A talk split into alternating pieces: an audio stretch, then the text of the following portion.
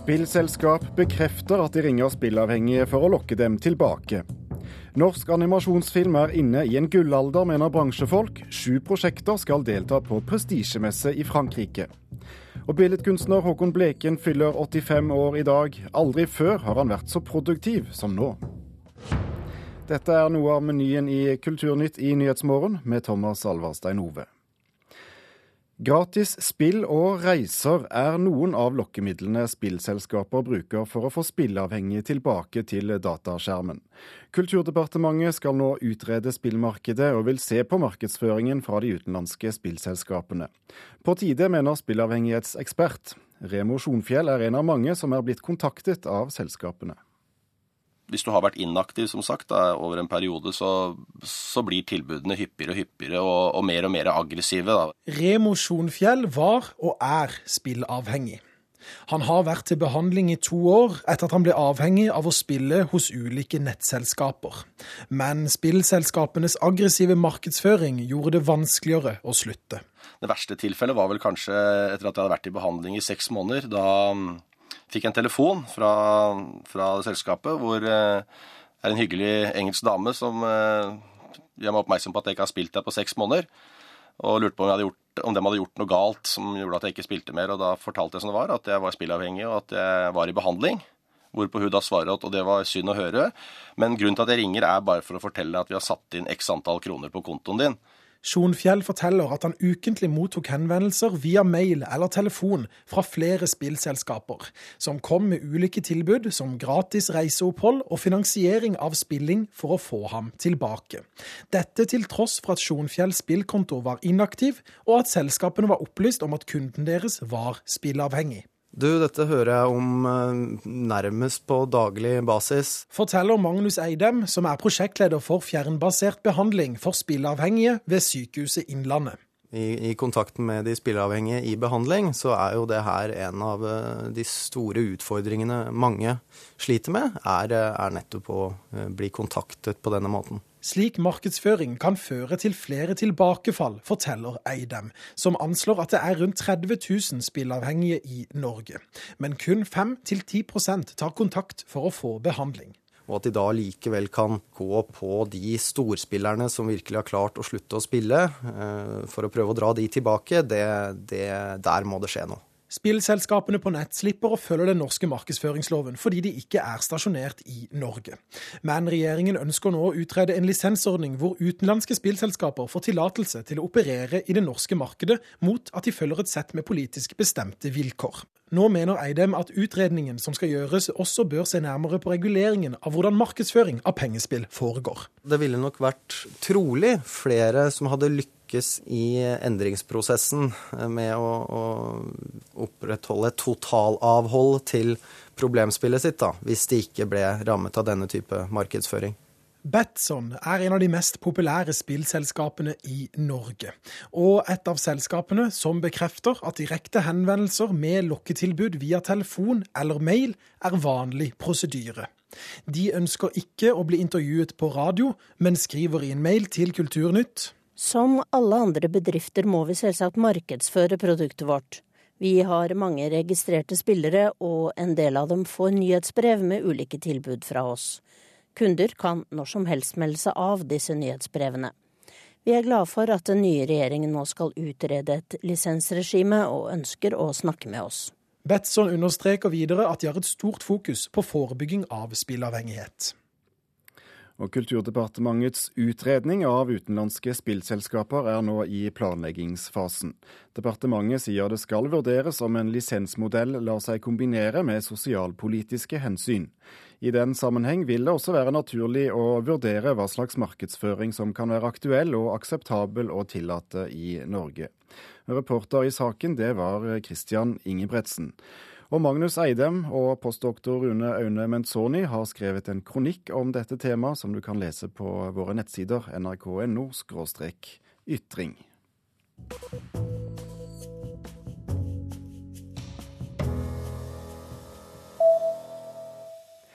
Den kontroversielle franske komikeren Dieudonné går nå rettens vei for å forsøke å få opphevet sensuren av komishowet hans. 47-åringen som blir beskyldt for å være antisemittist, skulle etter planen starte turneen sin i Frankrike i dag. Men regjeringen har åpnet for at lokale myndigheter kan nekte komikeren å opptre av hensyn til ro og orden. I løpet av dagen i dag vil komikeren forsøke å få opphevet sensurvedtak i byene Nantes og Orléans. Fem iranske filmarbeidere ble i går drept i en eksplosjon mens de arbeidet med en filminnspilling utenfor hovedstaden Teheran. Eksplosjonen var en arbeidsulykke, og filmarbeidernes eh, fagforening kritiserer nå myndighetene for å forby import av spesialeffektmaterialer, slik at filminnspillinger må ta i bruk ekte eksplosiver i, eh, på settet. Filmen som ble rammet av ulykken er Mera Jiha av regissør Masud Denamaki. Den handler om soldater som kommer rett til himmelen etter å ha blitt drept. Ulykken ved Apollo teater i London har ikke hatt innvirkning på publikumsoppslutningen i teaterdistriktet West End. Det skriver den britiske bransjeavisen The Stage. Før jul i fjor kollapset taket på Apollo, og nyheten fikk stor internasjonal oppmerksomhet. 56 mennesker ble alvorlig skadet i ulykken, som nå er under etterforskning.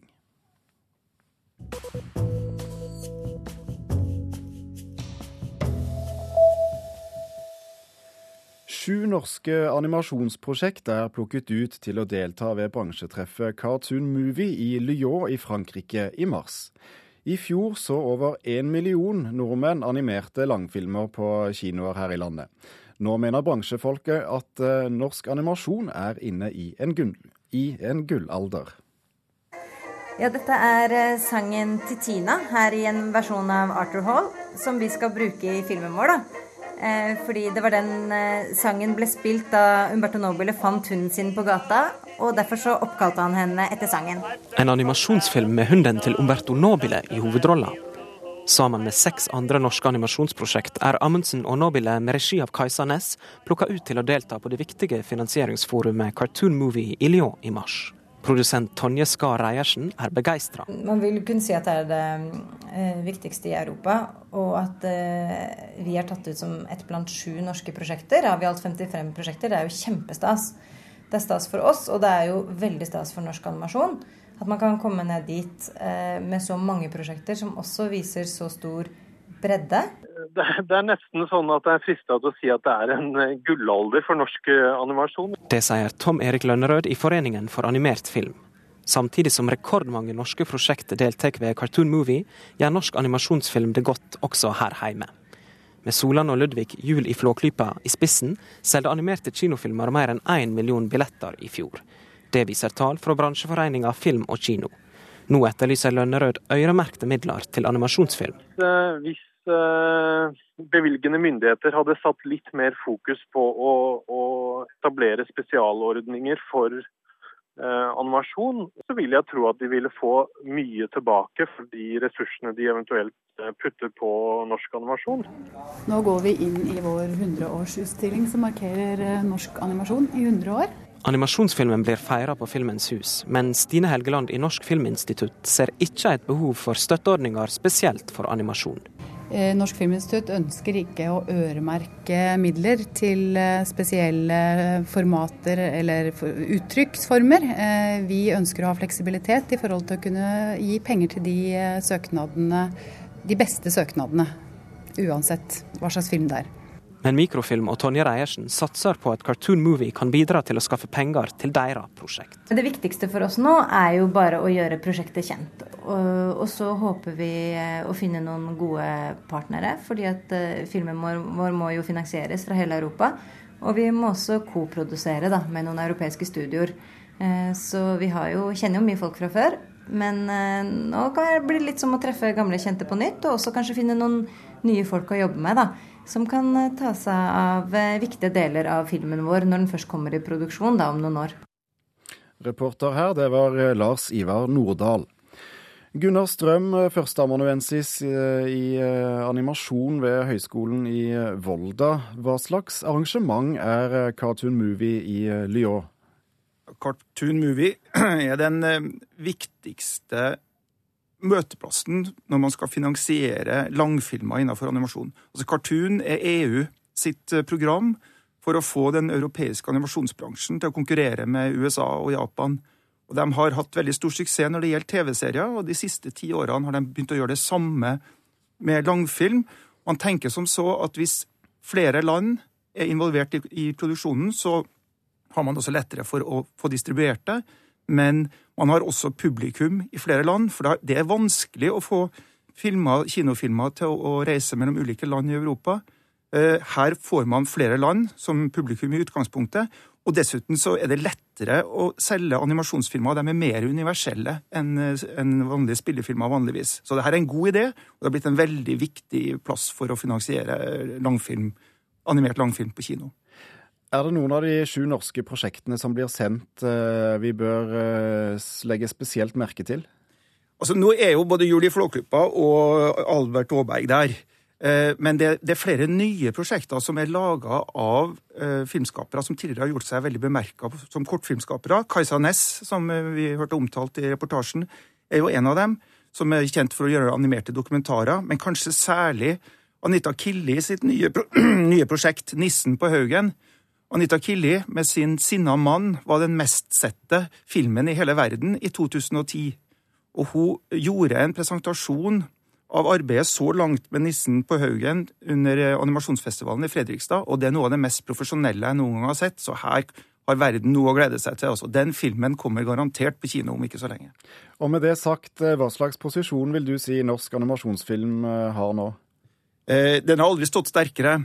Eh, vi har fått mye priser for kortfilmene de siste årene, men eh, bare altså, i to, i de første 99 årene av norsk animasjon så ble det laga ca. ti animasjonsfilmer på kino. Bare i fjor, 2013, kom det tre. Pelle politibil, Albert Aaberg og Julie Flåklypa. Og de var laga i tre ulike teknikker. En eh, 3D-data, en klassisk tegnefilm og en klassisk dukkefilm. Og det her sier noe om bredden i norsk animasjon, og hvor profesjonelt det norske animasjonsmiljøet har blitt. Så ja, som Tom Erik sa i reportasjen, norsk animasjon er inne i en gullalder. Hva tenker du om bransjens ønske om eh, mer penger fra det offentlige? Ja, altså nå øh, hadde jo ikke de filmene som har vunnet priser, blitt noe av hvis det ikke hadde vært støtt, norsk støtte til det. Og jeg tror kanskje behovet var større før, fordi at realfilmskapere har en tendens til å definere bort animasjonen og si at nei, animasjon skjønner jeg ikke meg noe på, det er noe annet enn det jeg holder på med. Men over de siste årene så har nok altså eh, Spillefilmen bruker jo mye animasjon eh, i nesten hver eneste film. Eh, med langfilmprodusenter som Åge Aaberge og Jon M. Jacobsen, så har animasjonsfilmen fått en større plass i den vanlige filmfinansieringa. Så jeg tror ikke det er like nødvendig som det var. Da ble ikke animasjonsfilmen sett på som filmens fattige fette, men en enda fattigere tremenning eller firmenning eller noe sånt. Men det har bedra seg. Men det er nok et poeng at uh, man kan få igjen mer for uh, investeringer i animasjonsfilm fordi at de reiser lettere mellom land. Og så har vi altså en serie, rekke dyktige uh, filmskapere innenfor animasjonsfilmen nå som helt klart kan gjøre det godt internasjonalt. Vi får glede oss over utviklingen og følge med videre. Takk skal du ha, Gunnar Strøm, førsteamanuensis i animasjon ved Høgskolen i Volda. Du hører på Nyhetsmorgen i NRK P2 og Alltid nyheter. Dette er nyhetsoverskriftene nå når klokken er blitt 17 minutter over åtte. Spilleavhengige blir oppringt av nettselskaper og lokket med penger for at de skal komme tilbake som kunder. Svenske pass er blitt en internasjonal handelsvare og blir misbrukt av menneskesmuglere og kriminelle nettverk. Norwegian trapper opp kampen om passasjerene i Norge, og øker antallet avganger mellom Oslo og flere byer. SAS svarer med å sette inn flere fly på viktige strekninger, skriver Finansavisen. Kule kids gråter ikke, kommer på kino i morgen. Den er vond og vakker om kreft, forteller vår anmelder straks her i Kulturnytt. Vi skriver 2014, og Stortinget forbereder seg på et år med høytidelighet og feiring. I formiddag skal det offisielle programmet til grunnlovsjubileet legges frem. Det skjer i lagtingssalen på Stortinget. Kulturkommentator eh, her i NRK Agnes Moxnes, hva slags program er dette? Det er jo først og fremst et eh, program som er Hvis dramaturgi er lagt opp etter det som skjedde for akkurat 200 år siden i år, Eh, så det starter med en, eh, en fullpakka tur til, med Kiel-ferga på mandag eller tirsdag, vel, altså 14. Eh, januar, hvor historieinteresserte nordmenn reiser ned for å se stedet der som på en måte var med på å bestemme Norges skjebne da fra 1814, da Danmark måtte liksom se Norge tapt, og, og liksom svenskene ta, skulle ta oss over. Og så er det 16. februar, da er det offisiell åpning av dette året her.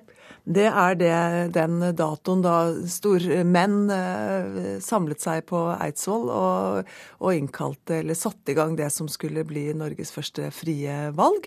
Så er det selvfølgelig 17. mai, og så er det august hvor du hadde denne Mossekonvensjonen, hvor liksom da den eh, det som holdt på å bli en storkrig mellom Norge og Sverige, ble, ble avviklet, og, og, man startet eh, samtalene frem til eh, 4.11.1814, eh, da den reviderte grunnloven ble liksom da eh, trådte i kraft, og, og, Norge var i union med, med Sverige. Så, så, dette er liksom hovedtimeplanen liksom, er satt opp etter dette her. Og så er det vel en bortimot par hundre arrangementer som nå står inne på eh, det offisielle programmet programmet. Blir dette et jubileum for hele landet?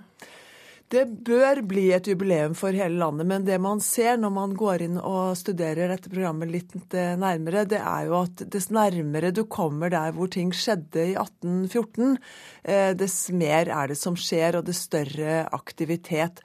Selvfølgelig på Eidsvoll, og selvfølgelig i eh, hovedstaden der de store riksinstitusjonene ligger, men også Østfold og Hedmark, som jo var i krigshandlinger med svenskene.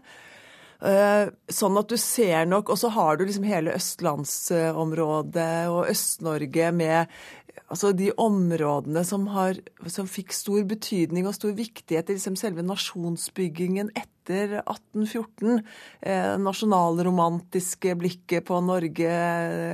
Eh, storbonden, eller altså den bonden eh, som satt med eiendomsretten. Altså det, så, så, mer eh, landbruk og fjell og, og, dype daler enn igjen kystkultur, som jo føler seg litt forbigått. Så man ser at f.eks. når du kommer opp til Finnmark, så er det svært lite som står om noe som står på det offisielle programmet så langt.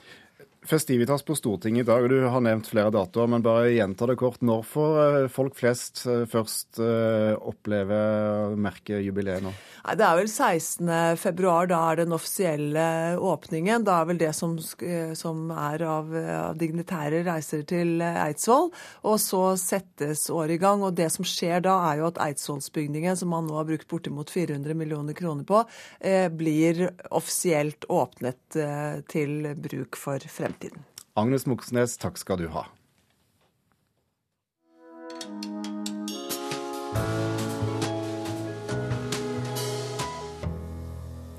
Hvordan takler klassekameratene at den ene får kreft? Det vet vi faktisk noe om etter å ha sett 'Kule kids gråter ikke'. Filmen er lett å tro på, den er nesten virkelig, sier vår anmelder Einar Gullvåg Staalesen. Anja! Behold den, du. Ja da, jeg kommer. Kule kids gråter ikke fortjener å bli sett, og de fleste fortjener å se den. Ja, pass den, ja! ja. Den er en film med store følelser og lite føleri. Virkemidlene er hårfint balansert, de står støtt. Stemningsmusikken er vekslende, men i balanse den også. Intet er for fett, intet er for lett. Filmen tar konfliktene og utfordringene. Ungene tar konfrontasjonene. Barna er fantastiske, de lever med tragedien i seg og rundt seg. De voksne gjør så godt de kan. Noen av de voksne skuespillerne opptrer naturlig, noen gjør for mye ut av det. Det som ikke er fantastisk i gjennomføringen, er ikke så ille at det svekker helheten mye. Helheten tar oss. Nei, Jonas! Rødt kort! Hun falt jo, da. Går det bra? Ikke sant, Anja? Du bare falt jo. Går det bra? Jævla kreft. Filmen er veldig sterk. Vi gråter alle mann og kvinner og barn og besteforeldre. Det er heldigvis mørkt i en kinosal. Vi møter virkeligheten på sitt tyngste. Det pyntes ikke på noe, vi skjermes ikke, men filmen viser oss at barn har evne til å møte sorgene. Det gjør oss godt å se. Det er en nestekjærlig film. Regissøren Katarina Launing har fått det til. Hun har en helt spesiell evne til å se og instruere barn. Se på Lars sin tegning, da. Det er to små hjerter der. Er du sammen med Lars nå? Han liker deg. Jeg tror han har lyst til å kysse deg. Å, det hadde vært koselig om dere hadde kyssa. Hvorfor er ikke du sammen, da? Hun klarer å opprettholde troverdig normalitet i en skoleklasse hvor alle rammes når den ene eleven får kreft. Sjokket og tragedien tas ikke for mye ut, ikke for lite. Skoledagen er realistisk, rivaliseringene er troverdige, det romantiske er troverdig. Forelskelsene florerer som normalt, og vel så det. Vi leser mye i barneøyne. Ei jente har tatt rollen som Kirsten Giftekniv. Burde ikke frøken interessere seg for overlegen som behandler Anja? Han heter Bart og har bart. Filmen er en nyinnspilling av en nederlandsk filmsuksess, basert på en nederlandsk bok. Noen av utfordringene i en slik film er løst allerede i boken. De fortsetter i regien. Katarina Launing har lagt vekt på at alt skal være virkelig, og ikke bare en eller annen laget historie. Hei, gutt! Se deg for, da! Jeg er ikke gutt, jeg er en jente! Åh! Det norske kinoåret begynner særdeles bra. 'Amnesia' har også premiere denne helgen. En god film det også, mener vår anmelder Einar Gullvåg Staalesen, som ser på flere premierefilmer i Mørkets opplevelser i kveld klokken 19 her i NRK P2. I dag fyller billedkunstneren Håkon Bleken 85 år. Gallerier både i Trondheim og Oslo åpner utstillinger for å hedre en av Norges største nålevende kunstnere. Til tross for mer enn nesten 50 år i virke som kjent kunstner, har Bleken aldri vært så produktiv som nå. Det er altså, jeg er helt enig med, med Degas som sa at det, å male er lett hvis man ikke kan det, men når man kan det, begynner det å bli vanskelig. Store vinduer slipper lys inn i stua til Håkon Bleken, hvor han har sitt atelier. Penselen med en dyp grønnfarge legger skygger på skjorta til mannen på bildet. Ansiktet er malt over med svart. Ja, det Utgangspunktet var et selvportrett, men jeg er ikke fornøyd med jeg skal male over hodet her. da. Arbeide videre med det. Og Det er enkelte bilder som jeg holder på lenge med, andre som jeg løser ut meget fort. Han har ikke tall på hvor mange bilder han har laga. Kunstneren fra Trondheim slo igjennom i 1971, den gang med sine kulltegninger. I dag fyller en av Norges største nålevende kunstnere 85 år. Og aldri før har Bleken vært så produktiv. Utelukkende. For det er morsomt å male. For det første så, så Du har mer erfaring på to plan. Først det tekniske, maleriske plan, og så vet du mer. Og kan altså da arbeide fast nesten raskere enn tidligere. I anledning Blekens bursdag åpner Galleri Brandstrup i Oslo og Galleri Ismene i Trondheim utstilling. Dette her er jo kollasjer i nesten alt sammen, vet du. Her f.eks. Du må se på det avisutklipp som er klistra opp alt sammen. 27 helt nye maleri med sterke farger henger på de hvite veggene. Bleken behersker både olje, grafikk og kull. Han har mottatt utallige kunstpriser, og i 2009 ble han forfremma til kommandør av St. Olavs orden av kongen for hans virke som billedkunstner. Og bildene hans har blitt vist fram på de fleste store norske kunstgalleri. Så han er altså en av våre mest engasjerte og engasjerende billedkunstnere. Og det er få sånne vi har i Norge. Det sier kunsthistoriker og forfatter Holger Kofod. Han mener Bleken er enestående. For han er en ener på den måten at han både har markert seg veldig sterkt som billedkunstner, men også da gjennom mer teoretiske diskurser og holdninger, rett og slett.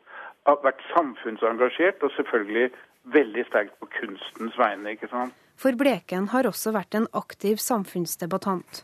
Han skriver ofte i Adresseavisa, kronikker, essays og har gitt ut flere bøker. Det betyr ganske mye for meg å bruke ordet. Og Det er jo det som er det fantastiske med både å skrive, snakke og male og alt mulig, så vokser forholdet hele tiden hvis du bare ikke gir deg. Du forsøker å så, jeg, så, det å bruke ord for meg har vært en, eh, en stor berikelse. Ikke bare for mitt ordforhold, men også for mitt forhold som menneske. Hvorfor har du valgt å vært en aktiv samfunnsdebattant? For jeg blir så forbanna av enkelte ting som skjer. Kort og godt. Da burde jeg holde kjeft. Det er ikke klokt nok til å gjøre det. Bildet i stua har fått flere farger. Grønt, blått og gult men ansiktet er fortsatt svart. Kunstneren som har hatt stor suksess i mange år, syns det er tungt å bli 85. Stort sett negativ.